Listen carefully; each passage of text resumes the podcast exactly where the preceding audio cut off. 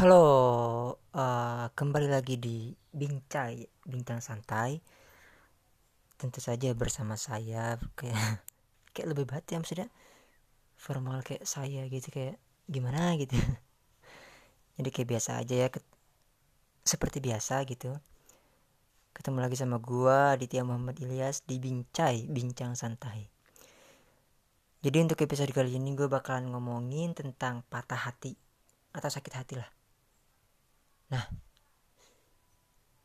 uh, yang mau gue omongin di sini bukan patah hati atau sakit hati kayak bucin dan lain sebagainya. Ah, lebay banget sih. Sumpah gue kayak gimana gitu nggak suka gue sama hal, hal yang kayak bucin yang berlebihan gitu. Ya namanya bucin pasti berlebihan gitu ya. ya gitu jadi gue gue ada beberapa poin yang udah gue catat juga tips atau obat patah hati ala Aditya Muhammad Ilyas. Jangan deh ala podcast bincai jadi sebelumnya gue pengen cerita dan gue juga bakal ngasih example yang emang sering ditemuin sering banget dialamin sama pemuda-pemuda atau anak muda zaman sekarang gitu. Pasti patah hati tentang cinta gitu tentang bucin gitu. Karena gue juga pernah ngalamin lah gue juga anak muda dan ngalamin gitu ya walaupun cuman sekali gitu kan tapi kan gue juga seenggaknya gitu at least pernah gitu ngalamin jadi gue bisa berbagi juga gitu. Jadi gini um, yang gue tahu di lingkungan gue gitu ya teman-teman gue setiap uh, dari mereka yang ngerasain namanya sakit hati atau patah hati itu kayak efeknya itu kayak berlebihan banget parah banget sih kata kalau menurut gue jadi mereka tuh kayak udah aja beres mereka. Patah, eh, patah itu kan kayak lebih ke putus gitu ya putus sama ceweknya putus sama cowoknya gitu. Jadi kayak kalau dia udah putus tuh kayak udah aja dia. Bingung mau ngapain kayak setiap hari itu bengong. Wah parah sih pokoknya. Emang bikin parahnya sih itu. Cuman ya gue juga pernah ngalamin sih ya. Gue ngomong gini karena emang gue pernah ngalamin dan gue udah dapet gitu obatnya cara mengatasinya gimana gitu. Dengan singkat tentunya nggak nggak nggak lama sampai berbulan-bulan sampai lagi setahun dua tahun wah gila nggak banget. Jadi gini uh, gue pernah ngalamin hal tersebut ketika gua waktu itu masa apa sih kayak praktek kerja lapangan atau praktek kerja industri karena kan gue SMK ya. Dan gue itu uh, mengalami hal tersebut hamin beberapa hari pengen ke hari pertama gue PKL ini. Wah gitu gila. Maksudnya kayak uh, si cewek gue ini mantan gue ini kan kayak ah udah beda banget dari awal. Eh kayak udah bang, beda banget sama sebelum sebelumnya gitu. Pas hari tersebut tuh kayak gue udah beda banget dari cara kita chattingan juga teleponan. Udah beda banget pokoknya. Dari situ gue kayak ngerasa kepikiran banget. Aduh anjir. Gue harus gimana? Gini gini. Wah pokoknya every time every second every minute. Anjir lebih banget. Nggak lah nggak sampai segitunya. Maksudnya kayak gue kepikiran banget gitu kepikiran terus gitu. Jadi kayak ngerasa ada yang kurang gitu setelah dia itu beda dari sebelumnya itu. Tingkah lakunya beda dari sebelumnya gitu. Nah dari situ kan gue PKL tuh Sabtu Minggu itu libur ya. Di hari Jumat atau Kamis Kam, Kamis. Masih inget banget gue hari Kamis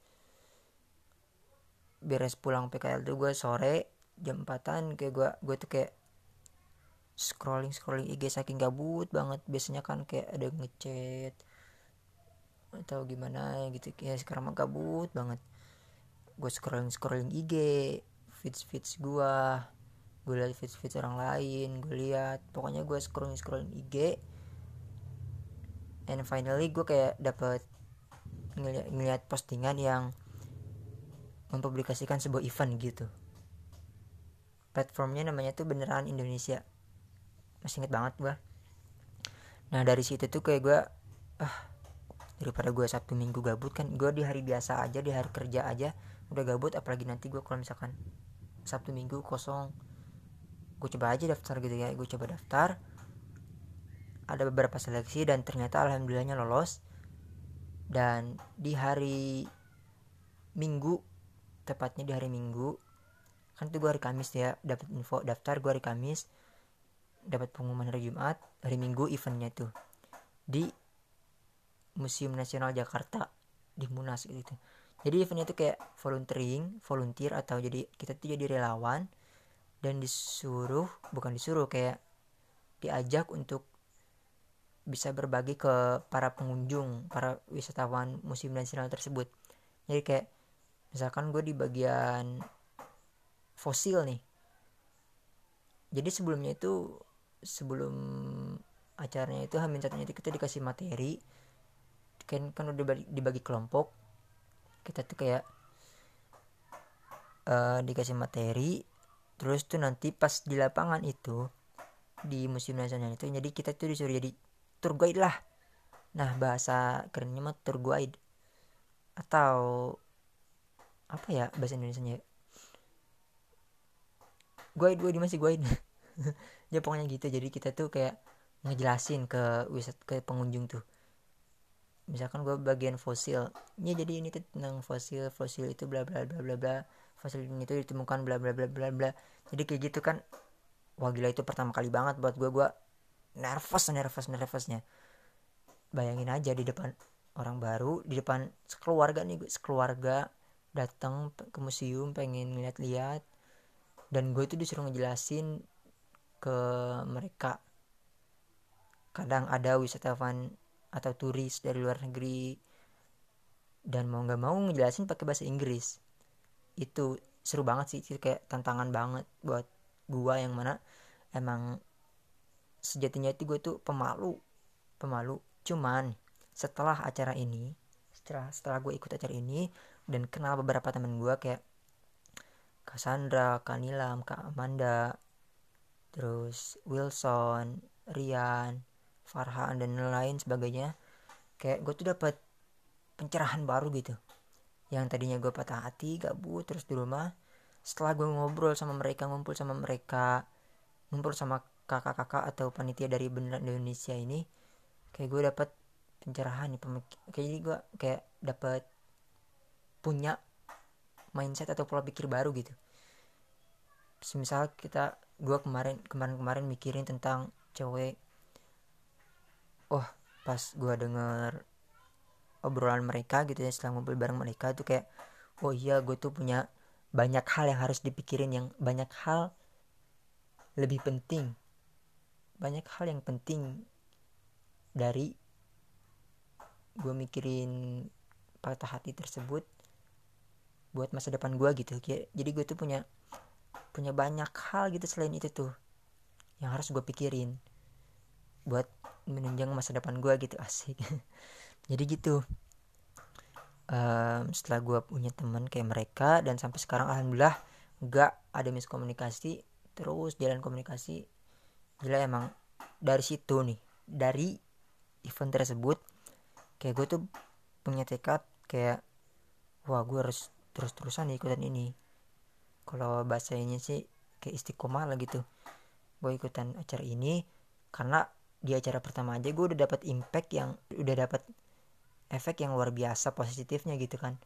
Kebayang kalau misalkan gue terus-terusan ikutan gue punya banyak pemikiran punya banyak pola pikir dari orang-orang baru yang gue kenal gue punya banyak relasi kenalan yang emang auranya tuh mereka itu kayak positif semua gitu. Pasti kan gue gue ngerasa pasti ke bawah banget. Karena emang gue udah kealaman kealamin ngalamin di event pertama gue tersebut di munas tersebut. Oh ya namanya itu beneran race. Ah pokoknya mah tergue lah acara itu tuh. Back to the topic. Jadi um, di sini gue ada beberapa tips atau obat patah hati buat kalian. Ya nih anak muda anak muda. Atau kayak teman-teman gue yang patah hati atau misalkan masih bucin yang wah di usia sekarang kita ini ya di usia kita sekarang ini kayak 18 pokoknya pengen keluar ke pengen keluar dari SMA itu kayaknya nggak banget sih kalau kita masih mikir tentang cinta-cintaan nggak banget kayaknya. Boleh-boleh aja cuman kayak tahu batasan gitu. Dan seimbang gitu sama apa yang harus kita capai gitu. Nah kalau saran gua gitu ya di usia kita sekarang ini kan pasti hampir semua orang ngalamin namanya quarter life crisis. Mungkin nanti bakal gue bahas di episode selanjutnya apa itu quarter life crisis. Jadi intinya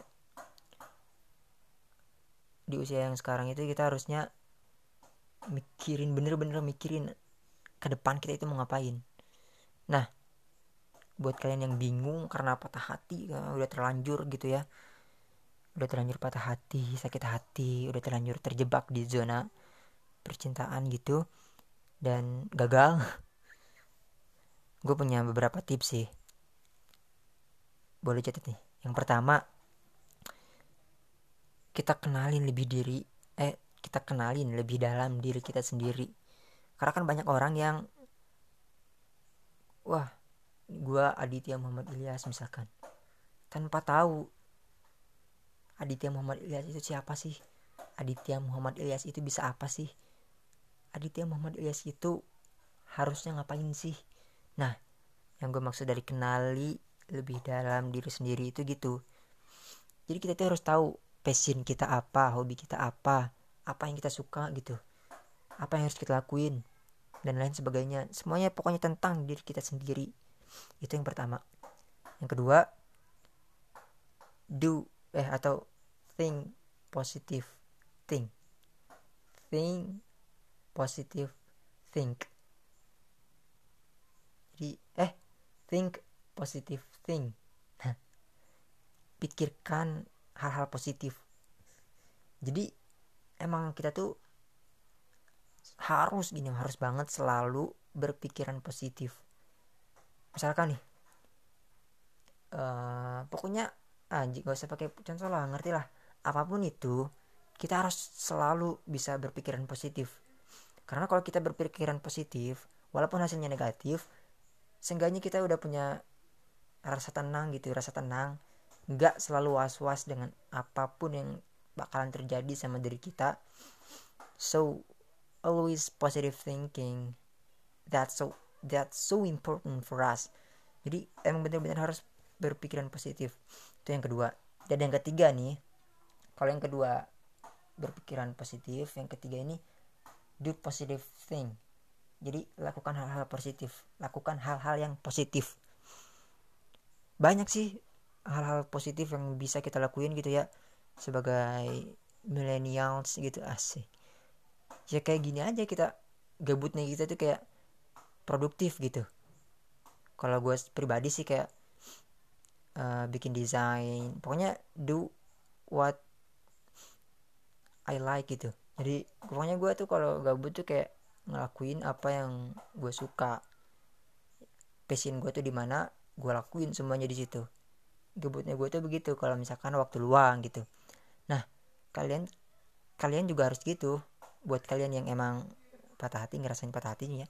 Gitu do positive thing do positive thing. Pokoknya lakuin hal-hal positif apa pun itu. Dari kecil-kecil aja sih. Kayak bangun pagi terus beres bangun beres-beres dan lain sebagainya. Itu positif thing hal-hal yang kecil gitu ya. Dan yang terakhir ada cari kegiatan yang nambah relasi. Nah ini persis banget sama yang udah gue lakuin. Dan itu bener-bener ampuh ampuh seampuh ampuhnya. Bener aslian. Cara keempat ini yang paling ampuh menurut gue cari kegiatan yang nambah relasi. Kayak, kayak kita ikutan kegiatan di luar gitu di luar sekolah. Kan kita otomatis ketemu orang-orang baru. Nah kita nambah relasi. Nah dari orang-orang tersebut dari relasi-relasi tersebut itu kita bakal dapat banyak pemikiran atau banyak mindset baru yang sebelumnya belum pernah kita dapat gitu. Ini penting banget. Sakral banget emang. Nah ber, jadi gue sebutin ulang ya. Yang pertama kenali lebih dalam diri sendiri. Yang kedua selalu berpikiran positif. Yang ketiga lakukan hal-hal yang positif dan yang keempat cari kegiatan yang menambah relasi. Itu empat poin dari gua untuk mengobati patah hati. Buat kalian yang emang sakit hati ngalamin sakit hati atau patah hati coba salah satu atau bahkan seluruh tips yang gue kasih insya Allah bener-bener manjur. Gue jamin deh jamin 100% atau kalau ada yang lebih dari 100% ya itulah. Ya mungkin cukup sekian yang bisa gue kasih yang bisa gue sampaikan yang bisa gue bagi di episode kali ini tentang tips atau obat patah hati. Khususnya buat anak-anak muda ya. So um, terima kasih buat yang ngedenger dan seperti biasa kalau ada kalau ada kekurangan jelas itu semua dari gua dari gua pribadi dan kalau ada kelebihan itu semua datangnya dari Allah Subhanahu wa taala. Mungkin cukup sekian. Terima kasih dan sampai jumpa di episode-episode selanjutnya. Terima kasih. Halo, halo, halo, halo, halo, halo. Kembali lagi di Bincang atau Bincang Santai bersama Aditya Muhammad Ilyas yang mempunyai banyak mimpi dan selalu ingin berbagi. Ya sih. So, um, di episode kali ini gue bakalan ngomongin karena ada salah satu teman gue yang uh, menyarankan sebuah tema gitu tentang insecure.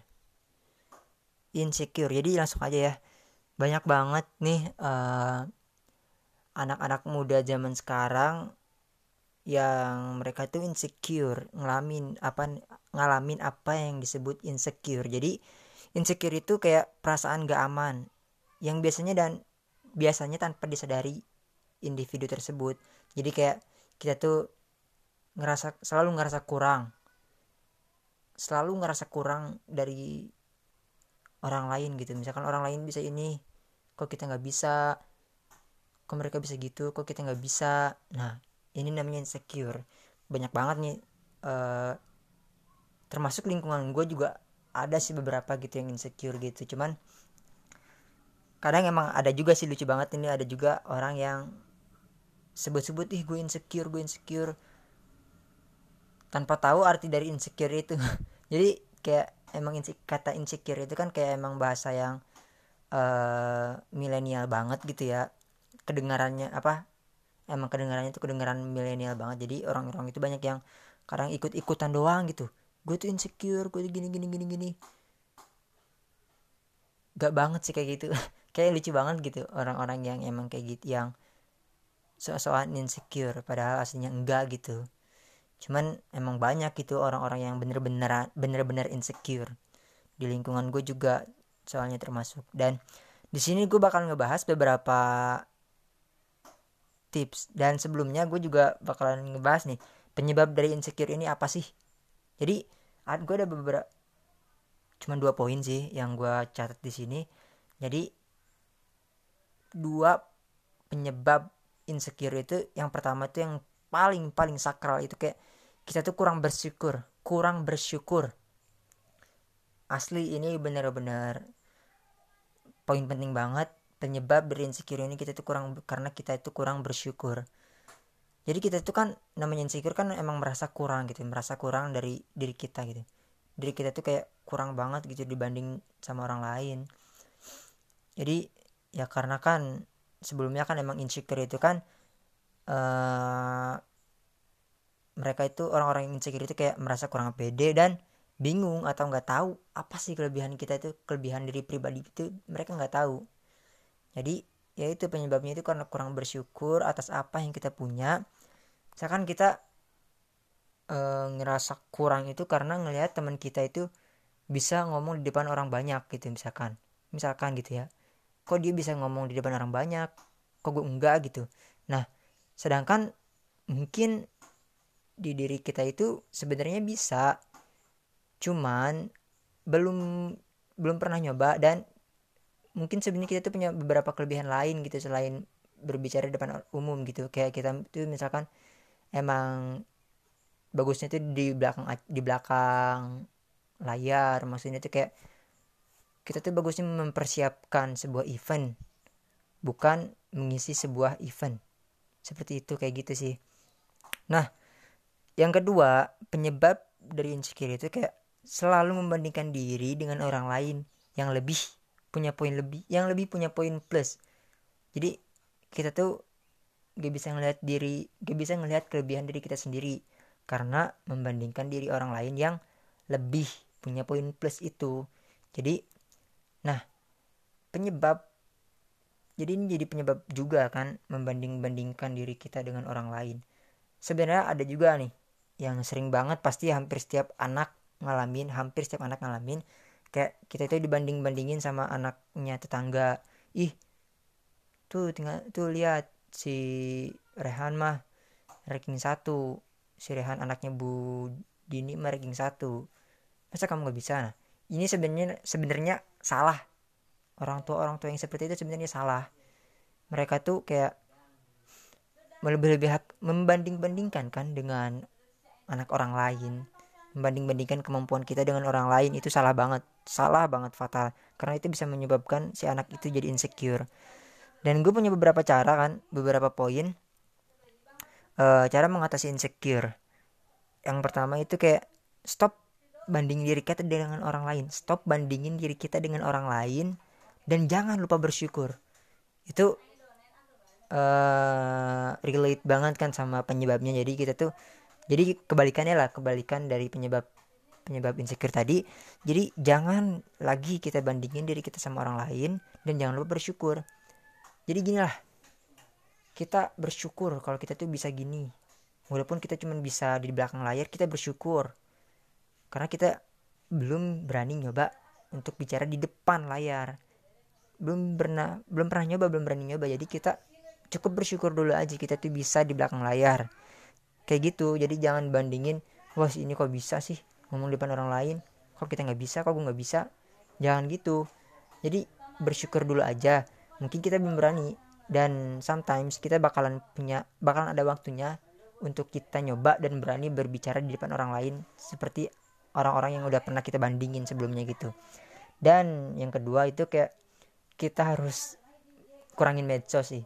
Karena kan tadi penyebab penyebab jadi dari insecure itu kan membandingkan diri dengan orang lain. Nah dengan kita lihat medsos kan jadi lihat orang lain tuh kayak misalkan ngelihat kelebihan orang lain. Misalkan dari segi fisik kita lihat orang lain kok ganteng kok cantik kok kita pada kok kita gini. Astagfirullahaladzim jangan jangan sampai jangan. Jadi uh, salah satu cara mengatasi men, mengatasi insecurity itu ya dengan kita menguras, mengurangi penggunaan medsos. Ini mohon maaf ngomongnya agak cepat karena emang tau lah ya puasa jadi agak ceket. So uh, jadi itu yang kedua kurangi penggunaan medsos. Batasin lah jangan terlalu terpaku. Jangan terlalu kayak nggak bisa hidup tanpa medsos gitu. Lah jangan. Yang ketiga itu yang paling penting self love cintai diri kita sendiri. Self love ini penting penting penting banget. Di setiap sisi kehidupan self love itu paling penting. Jadi sebelum kita do something sebelum kita ngelakuin apa pun sebelum kita ke mana sebelum kita ngapain itu kita harus mencintai diri kita sendiri dulu. Maksudnya mencintai diri kita sendiri itu. Jadi kita cinta apa yang kita bisa cinta apa yang kita punya kita bisa kenal diri kita gitu gimana dan lain sebagainya. Jadi kayak gitulah self love itu. Dan yang terakhir itu kayak ya yang yang terakhir itu lingkungan sih. Di mana mana lingkungan emang mempengaruhi kan. Jadi kita itu harus punya lingkungan yang positif. Kalau kita mau ya ini salah satu cara mengatasi insecurity itu kita punya lingkungan yang positif. Harus punya harus di lingkungan yang positif. Kenapa coba? Karena dengan kita di punya lingkungan positif kita bakal ke bawah juga kan sama orang-orang positif tersebut sama lingkungan tersebut. Misalkan gini lah orang kalau hidup di lingkungan oh gini contohnya kita ambil dari film. Film Tarzan misalkan. Tarzan manusia tapi dia hidup besar di lingkungan para hewan atau di hutan liar gitu kan. Jadi apa coba yang dia dapat dia jadi kayak hewan kelakuannya jadi sama kayak hewan maksudnya kesehariannya gitu. Karena emang lingkungan itu mempengaruhi. Itu contoh contoh kecilnya ya. Jadi uh, empat cara mengatasi insecurity itu. Yang pertama stop bandingkan diri kita dengan orang lain dan jangan lupa bersyukur. Yang kedua kurangin penggunaan medsos. Kurangi penggunaan medsos yang ketiga self love atau cintai diri kita sendiri. Self love atau cintai diri kita sendiri itu penting penting banget. Dan yang terakhir yang keempat itu cari lingkungan yang positif. Cari lingkungan yang bisa bawa kita ke sisi positif. Bisa bawa kita ke sisi positif sehingga bisa mengurangi atau bahkan menghilangkan rasa insecurity kita. Dah. Mungkin cukup sekian uh, tentang apa episode kali ini tentang insecurity uh, yang mana temanya atas saran teman saya eh temen gua gitu. Uh, kok saya sih gimana? Kok kebi kebi kayak kebiasaan ngomong depan orang banyak gitu pidato gitu asik. Nggak nggak nggak bercanda bercanda. Jadi cukup sekian uh, pembahasan tentang insecurity.